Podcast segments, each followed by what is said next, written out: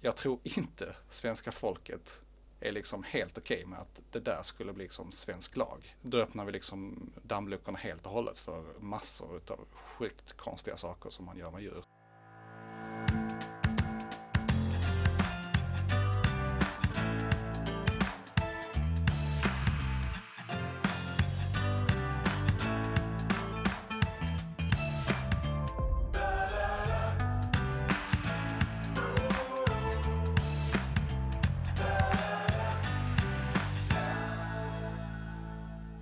Hjärtligt välkomna till Djurens Rätts podd på Djurens Sida.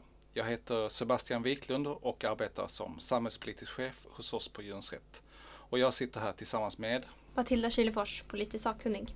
Vi kör ju en fördjupning av djurpolitiska frågor var fjärde vecka. Genom att följa oss så kommer du att få lite extra koll på svensk, europeisk och viss mån kommunal djurpolitik. Men okej Matilda, har du med dig några frågor som har hänt eller saker som har hänt inom djurpolitiken på, på senare tid som du vill ta upp sådär kort i början? Ja, eh, något som har hänt sen sist är att Djurens Rätt har som en av 286 organisationer skrivit under ett brev som har skickats till EU-kommissionen med Ursula von der Leyen i spetsen. Eh, och det här brevet har skickats för att det finns ett eh, starkt politiskt motstånd mot ett lagförslag om hållbara livsmedelssystem som väntas läggas fram i september. Mm. Eh, så det har då börjat komma en oro för att det här politiska motståndet skulle kunna hindra processen och målsättningen på något sätt. Så det här brevet uppmanar kommissionen att inte ge vika för påtryckningar utan att lägga fram förslaget som planerat till hösten. Och det är då branschen som har gett en push för att man ska liksom, ja. vill de stoppa det helt eller vill de liksom fördröja det liksom? Eller? Alltså det finns ju väldigt, väldigt många som skulle tjäna på att vi behåller status quo här. Så att eh, jag skulle gissa att de vill nog inte åstadkomma så mycket mm. alls på området. Men ingen kan väl med, med handen på hjärtat säga att det inte är tydligt att någonting behöver göras för att idag så står eh, livsmedelssystemet för 34 procent av de globala utsläppen av växthusgaser och eh, ja, en massiv förlust av biologisk mångfald eh, och även för de ohälsosamma kostvanor som ligger bakom dödsorsaken för en av fem europeer. Och sen sist men inte minst såklart det oerhörda lidandet som djuren orsakas. Ja, det måste verkligen till en förändring. Hålla med om. Vi får hoppas att inte branschen blir för tuffa mot kommissionen här och att vi mm lägger fram de argument som behövs för att de ska våga fatta rätt beslut.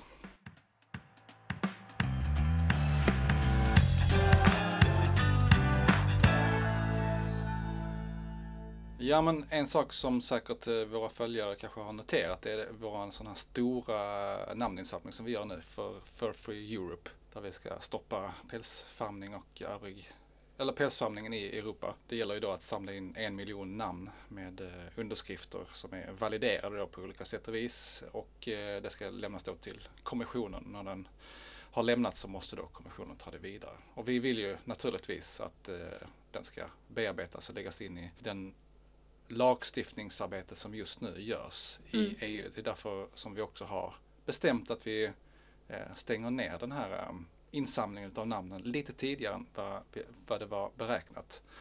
Så att eh, man har månaden ut mm. till att eh, också skriva på så gör gärna det. Vi behöver fler namnunderskrifter. Eh, så att vi kan visa att det finns ett stort och starkt stöd för den här frågan så att vi en gång för alla blir av med eh, pälsdjursfarmningen i Europa. Ja, så in på djurensrätt.se för free och skriv på senast den första mars.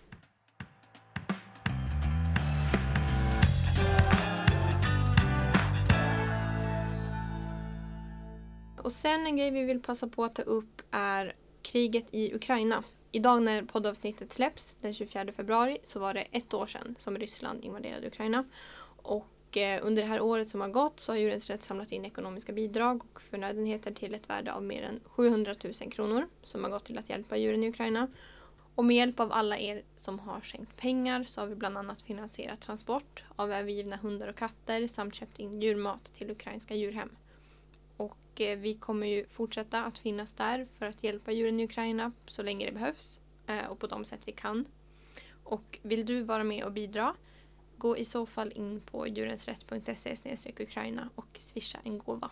Ja men verkligen gör det. Så himla viktigt arbete och vi har ju kompisar här nere som arbetar med detta här också mm. som vi har kontakt med och så vidare. eh, som verkligen brinner för djuren precis som vi. Så att in och ge ett stöd om man kan det så är det verkligen uppskattat. Ja, men ytterligare en sak som hände när vi spelar in idag på tisdagen 21 februari var ett nytt sånt här salmonellautbrott i Sverige från eh, den eh, största äggfabriken som ligger i Mönsterås. Och den som lyssnade senast vi poddade, Ja. Matilda, kanske kommer ihåg att jag pratade om det här då också. Ja, jag får lite déjà vu-känsla Ja, verkligen. Det har hänt igen. Det är samma fabrik som senast vi pratade om det här och det är 160 000 hönor som har fått avlivas ännu en gång. Storskaliga eh, djurfabriker kan ju liksom inte fortsätta på det här sättet. De måste ju helt enkelt monteras ner, de här djurfabrikerna.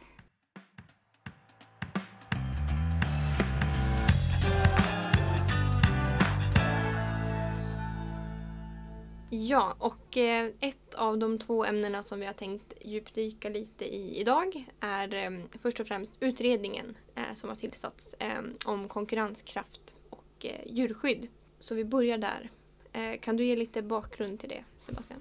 Ja men bakgrunden är ju att Tidöpartierna som när de kom överens i sitt Tidöavtal, det var ju en stycke som en, det är inte speciellt långt, det är bara ett par meningar.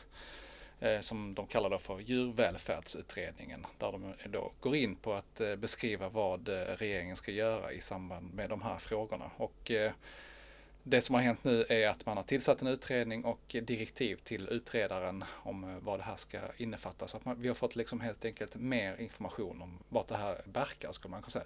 För att eh, det som skrevs i Tidöavtalet var ju eh, väldigt kryptiskt. Eh, Mm. Man kunde tolka det på lite alla olika sätt och vis. Eh, vi hade våra misstankar och de stärks nu kan man säga. Ja, det kan vi ju säga. Men ehm. vill du berätta lite mer om direktivet, vad, vad som står där? Och vad som Ja, där? precis. Lite praktiska grejer är att den här kommer pågå mellan 1 april nu 2023 och eh, ska redovisas då senast den 30 juni nästa år. Mm. Eh, Och särskild utredare i det här det är Elisabeth Nilsson eh, som är 69 år och har lång erfarenhet av näringslivet och olika styrelseuppdrag och har tidigare varit landshövding i Östergötlands län under åtta år och har dessutom erfarenhet av, av tidigare utredningar. Och vad ska Elisabeth Nilsson då kika på? Eh, jag tänker att vi lyssnar till hur det lät under pressträffen med landsbygdsminister Peter Kullgren. Utredaren ska analysera hur de svenska djurskyddsbestämmelserna påverkar svenska livsmedelsproducenters eh, konkurrenskraft i förhållande till livsmedelsproducenter i andra medlemsstater inom eh, EU. Det handlar om att jämföra svenska djurskyddskrav för olika djurslag med EUs och medlemsstaternas nationella djurskyddskrav. Det handlar också om att analysera om och i så fall i vilken grad de svenska djurskyddskraven påverkar svenska producenters konkurrenskraft i förhållande till producenter i andra medlemsstater. Ja, så där lät det alltså. Eh, och utöver det här som nämndes i klippet så ska utredaren göra eh, en massa fler saker. Och det kan vi konstatera redan nu att det är en mycket spretig utredning. Men något annat som utredaren ska göra är att föreslå dels regelförenklingar och åtgärder för att balansera förutsättningarna för svenska livsmedelsproducenter och dels föreslå åtgärder för hur djurskyddsnivån kan höjas inom EU och globalt. Vad är dina första tankar när du hör det här? Nej men bara för att fylla på det som du nämnde där precis innan. Att det är ju eh, en väldigt stor utredning. Jag är inte speciellt avundsjuk på utredaren för att eh, som jag kan se så handlar det ju liksom om juridik, om eh, djurskydd, om branschkunskap, kunna värdera konkurrenskraft, köpkraft, betalningsvilja, prisbild och sådana saker. Det är ju helt täckande, verkligen. Vi får se vad, det, vad som kommer fram men det är såklart en utmaning i sig självt, tänker jag. Men sen så min första tanke är man pratar ju om eh, djurskydd och det är det som står i titeln också. Men egentligen så handlar det om att eh, konkurrensutsätta eh, djurskyddet.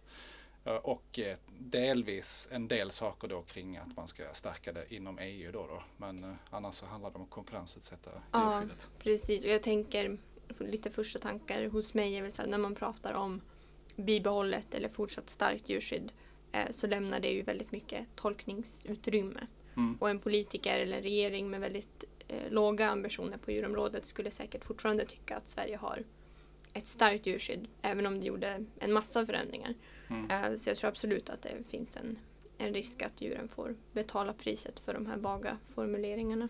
Ja, alltså man kan vända och vrida på det, de där orden som man använder men när man eh, säger att man ska lätta på regler eller ta bort regler så är det ju egentligen en, kravlös hållning som Mm. man eh, har till djur och det är det som man är ute efter. Man ska tala klarspråk, man ska helt enkelt sänka kraven. Så det blir en kravlöshetsutredning kanske istället som det Ja. handlar om. Precis, det är ju Men- annat om man pratar om att effektivisera eller förbättra eller så. Men just eh, regelförenklingar. Ja men precis, då hade man ju stått fast vid de reglerna som finns men eh, det är ju det som man tar upp eh, i en del punkter och blir även konkret på en del ställen också på var man skulle kunna liksom eh, ta bort regler eller hur man nu har tänkt att göra det. Ja, eh, någonting annat som gnager i mig är ju det här med timing. För utredaren har ju då fått i uppdrag att föreslå åtgärder för hur djurskyddsnivån kan höjas inom Mm. EU och globalt. Ehm, men min första tanke är att det, det endast är en skenmanöver för att liksom, för eventuella försämringar som kommer föreslås på nationellt plan då. Mm. För som vi har pratat om i podden förut eh, och som vi alla känner till vid det här laget så pågår det en översyn av EUs djurskyddslagstiftning. Där Mm. kommissionen i skrivande stund liksom verkligen finslipar på formuleringarna för de eh, förslag som kommer presenteras under andra halvan av 2023. Mm. För ganska precis ett år sedan så avslutades ju ett samråd där EU-medborgare och organisationer fick tycka till om den här kommande översynen. Vilket visade på ett stort engagemang för djuren. Och sen har man ju tagit fram en sån här eh, så kallad fitness check som har redovisats och som visade på ett stort glapp mellan forskningen och eh, den nuvarande Mm. eh, lagstiftningen. Så bland annat med det här i ryggen så förväntas ju de nya lagförslagen vara väldigt ambitiösa. Mm. Och de här förslagen berör ju också flera områden. Det är djurskyddsmärkning, djurtransporter, slakt, artspecifika bestämmelser för djur som, som hålls av människan. Ja, tajmingen känns ju närmast bedrövlig faktiskt. Ja, alltså det är ju väldigt svårt att förstå hur de har tänkt sig här. Utredningen ska vara klar eh, i början på sommaren nästa år, 2024. EUs nya djurskyddslagstiftning kommer kanske klubbas 2026. Eh, Ja. Så att eh, man ska helt enkelt göra en bedömning av EU, jämföra det med Sverige med den lagstiftningen som kommer att vara med stor sannolikhet inte relevant Nej, precis. Eh, Så jag, jag vet inte riktigt vad man, vad man, hur man tänker sig att man ska hantera detta här. Ja, nej det är ju som du säger att eh, saker och ting tar alltid en väldig tid på EU-nivå. Ja, Ehm, så innan kommissionens förslag har behandlats av både Europaparlamentet och ministerrådet och det har liksom förhandlats i triloger så kommer ju åren hinna springa iväg Ja. som du var inne på. 2026 om allt går som det ska. ja, Däremot så kommer ju alla förslag förmodligen som det är tänkt ha hunnit presenteras mm. då utredningen ska vara klar. Men de kommer ändå, utredningen kommer ju ändå liksom vara inaktuell redan när den landar på regeringens bord egentligen om man ska vara krass. ja absolut. Ja men det är en, verkligen, vi får se liksom hur det här eh, utvecklar sig men det är ett stort frågetecken. Jag tänker att de måste ha en plan här själva så annars så eh, känns det ju, känns det ju märkligt man ju säga. En annan sak jag också tänker på är att eh, EU-lagstiftningen är ju lite av ett golv också. Mm. Alltså det är det som minsta gemensamma nämnaren. Och eh, det är därför det inte heller är speciellt heltäckande. Man klarar inte av liksom att stifta lagar Nej. på det där sättet. Och eh, samtidigt så är det också så att eh, flera medlemsländer liksom har annan lagstiftning än just EU-lagstiftningen. Så att det här golvet kan ju inte bli svensk lag. Fast det är lite det de är inne på liksom när de skriver sina direktiv. Men då kan jag bara säga så här. Jag tror inte svenska folket är liksom helt okej med att det där skulle bli liksom svensk lag. Då öppnar vi liksom dammluckorna helt och hållet för massor utav sjukt konstiga saker som man gör med djur ute, eller som man kan göra med djur ute i Europa och så vidare. Så att eh, det är ju faktiskt ett golv. Hur ska man förhålla sig till det eh, när man då ska jämföra det med svensk lagstiftning? Och det är ju inte så att regeringen inte har känt till den här översynen av EUs djurskyddslagstiftning så man kommer ju lite in på tankebanor kring om det finns en baktanke med det. Mm. Att liksom dra nytta av, av den här tajmingen. Ja men precis, vi får väl se hur det artar sig. Eh, två stycken saker som de nämner eh, explicit i den här direktivet som man ska titta närmare på är förprövning och eh, betesrätten. Mm. Eh, som man resonerar om då. Man kan, som jag uppfattar just med förprövning handlar väl i princip om att ta bort den. Men då kan man ju veta det att det har ju diskuterats även förra mandatperioden och eh, det blev ju ingenting av det då på grund av att man såg en nytta utav eh, förprövning så som det var. Och betesrätten diskuteras också och KD har ju mm, ministerposten idag och vi vet om att de vill att man ska se över detta som de säger. Jag tycker resonemangen där som man har kring eh, betesrätten i eh, direktiven visar att det där är ju en ganska så svår sak att egentligen luckra upp. Eh, utan i sådana fall handlar det om att eh, ta bort den ser jag som. Det är ju väldigt, väldigt oroande om man eh, är inne på det spåret man kan ju säga som så här att vi på Djurens Rätt kommer inte sitta och titta på när, när en sån där sak, sådana fall skulle kunna hända. Men jag tror också, återigen här, att eh, det här gillar inte eh, gemene man i Sverige. Det är liksom en så mycket sämre djurskydd som det handlar om när man tar bort en sån här sak. Så att eh, jag tror det är väldigt impopulärt att göra en sån här sak. Eh, så att vi får väl se vad de har för tankar och ifall det blir verklighet och om det blir verklighet så tror jag faktiskt att det kommer att brännas till ordentligt så att säga i den här frågan om man, om man driver på för det. Men jag tänker som så här bara för lyssnarna såklart vi på Djurens Rätt följer den här utredningen. Eh, den har sin gång. Vi kommer göra vad vi kan för att kommunicera och berätta vad vi tycker och så vidare. Och sen så kommer den lämnas vidare, komma ut på remiss och sådana här saker. Liksom. Så att eh, det blir en process. Men det kommer hålla på här under mandatperioden. Och eh, jag inbillar mig att deras ambition, majoriteten i regeringen, är att det ska hända någonting av detta här inom mandatperioden.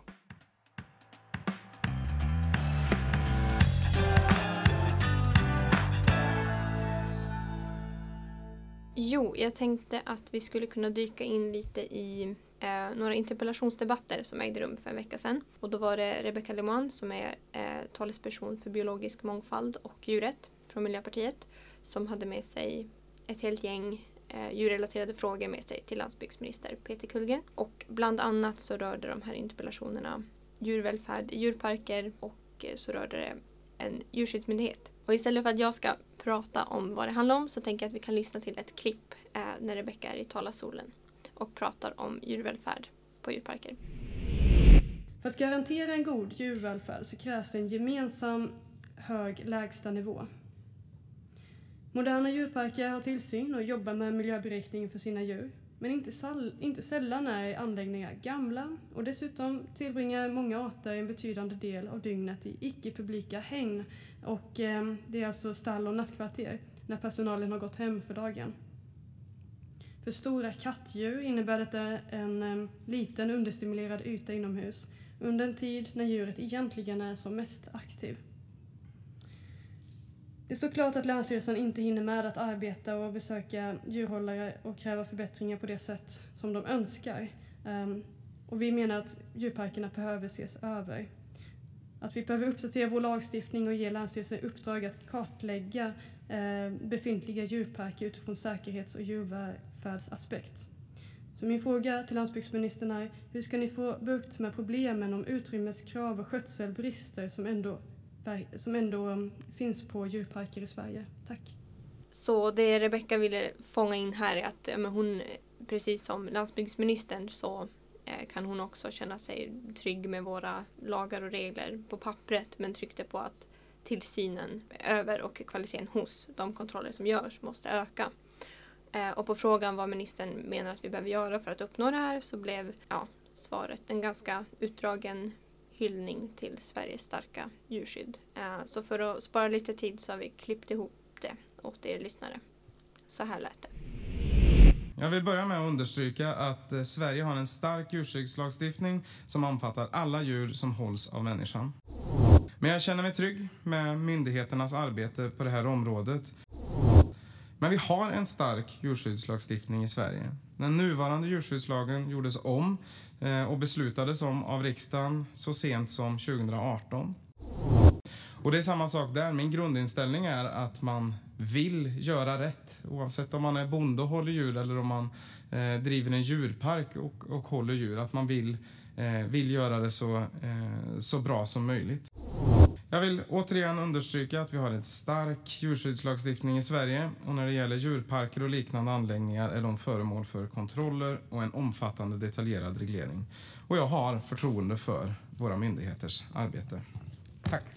Har du några tankar kring det här Sebastian? Ja, jag tänker ju på Bosse Ringholm. Om du, jag kommer du ihåg eh, Nej, du kan inte komma ihåg det ens. Du är lite än mig. Men jag har sett hon, en parodi på honom i Hey Baberiba så Ja, jag kan okej. tänka ja, mig om Han var ju sjukt stressad någon gång. Han var, ju- jag tror det var, han var finansminister på den tiden. Han upprepade samma budskap flera gånger. Mm. Så att det blev liksom en eh, småkomisk grej så att säga. Och det är väl lite samma här. Annars så eh, jag tänker jag att det var bra frågor utav eh, Rebecka. Mm. Vi kan väl lägga till som vi, jag tror vi tog upp det i förra podden. Att vi gärna ser så att säga en positiv lista Mm. för eh, djurparker. Det tror vi att man skulle kunna arbeta med för att liksom ta bort de här, de djuren som, som verkligen inte hör hemma på djurparker. Precis. Men du, har, du hade en till eh, interpellation som du tittat på. Ja, eh, den andra interpellationen rörde en djurskyddsmyndighet, vilket ju är någonting som Djurens Rätt gärna ser. Och även här så tänker jag att vi kan lyssna på ett klipp, hur det lät. Så här kommer Rebecka igen. Vi kan säkert hålla med varandra om att eh, Sveriges djurskyddslag är bra. Men jag menar att implementeringen och tillsynen brister. Herr talman, ett exempel på detta är minkfarmarna. Det står i djurskyddslagen att djur ska ha rätt att utföra sina naturliga beteenden. Men en mink är ett rovdjur och i deras naturliga beteende så ingår det att få simma. Eh, och det kan de inte göra när de sitter på livstid instängda i sina burar. Så dagens minkfarmar uppfyller inte det rimliga kravet på att främja eh, djurs naturliga beteende. Men ändå så fortsätter det. Och det är för att pengarna vinner. Vi kan klippa in en bit av eh, Peter Kullgrens svar där direkt. Sveriges djurhälsa är i topp. Tittar vi på mjölkkor till exempel så är det i absoluta världstopp. Vi använder eh, nästan till minst antibiotika i hela världen för att friska djur behöver inte mediciner. Ja, så vad var det vi lyssnade till där? Jo, att eh, Rebecka står i talarstolen och säger att hon håller också med om att vi har en, en bra djurskyddslag på papper men att eh, efterlevnaden brister. Eh, och så tar hon minkarna som exempel. Och absolut, nu skalade vi bort en del när vi spelade upp de här klippen. Men hon tar upp minkarna som exempel och får ett svar som liksom enbart nämner kor. Så det känns lite som att eh, de inte pratar samma språk här. Vad har du för tankar? Ja, nej, men jag tycker det är väldigt bra att hon tar upp eh, minkarna med tanke på att det är väl just en sån här eh, hållning av djur som eh, man kan eh, säga att den strider mot så att säga lagstiftningens Mm. intentioner. Myndigheten Jordbruksverket uppfattar jag liksom inte egentligen ser det som, ser det som en politisk fråga helt enkelt. Ska man ha mink eller inte? Eh, och eh, där fastnar det däremellan så att säga. Politikerna uppfattar att de har liksom stiftat en lag och myndigheten uppfattar att det här är en politisk fråga att, att driva så att säga. Det finns ingen som driver av sig själv liksom. Så att eh, jag tycker det är en bra, ett bra exempel på att ta upp där det här fallerar. Men jag håller med dig eh, Matilda här, reflektionen som eh, du gör, liksom att han går in och pratar om eh, kor efter att hon har pratat om minkar. För att det hon är ute efter är ju liksom att fånga upp eh, djurhållning där det finns ett golv som antagligen inte är liksom lagstiftarens intentioner.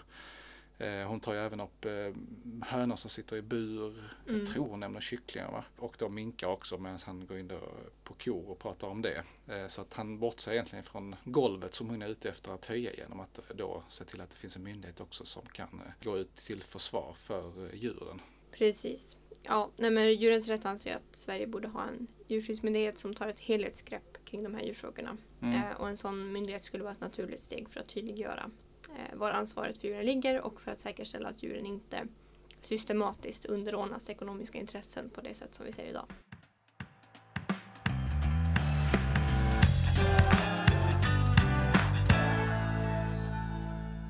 Det var allt vi hade att bjuda på idag. Gillar du vår podcast så se till att du prenumererar på podden. Då missar du aldrig när ett nytt avsnitt släpps i din poddapp. Och till sist så vill vi ju tacka dig som lyssnar idag. Och eh, det är tack vare våra månadsgivare som vi kan fortsätta göra skillnad för de djur som är flest och har det sämst. Och vi behöver din hjälp mer än någonsin. Gå in på www.djurensrätt.se medlem och bli månadsgivare idag. Ha det fint tills vi hörs nästa gång och tack för att du står på djurens sida. Hej då! Hej då!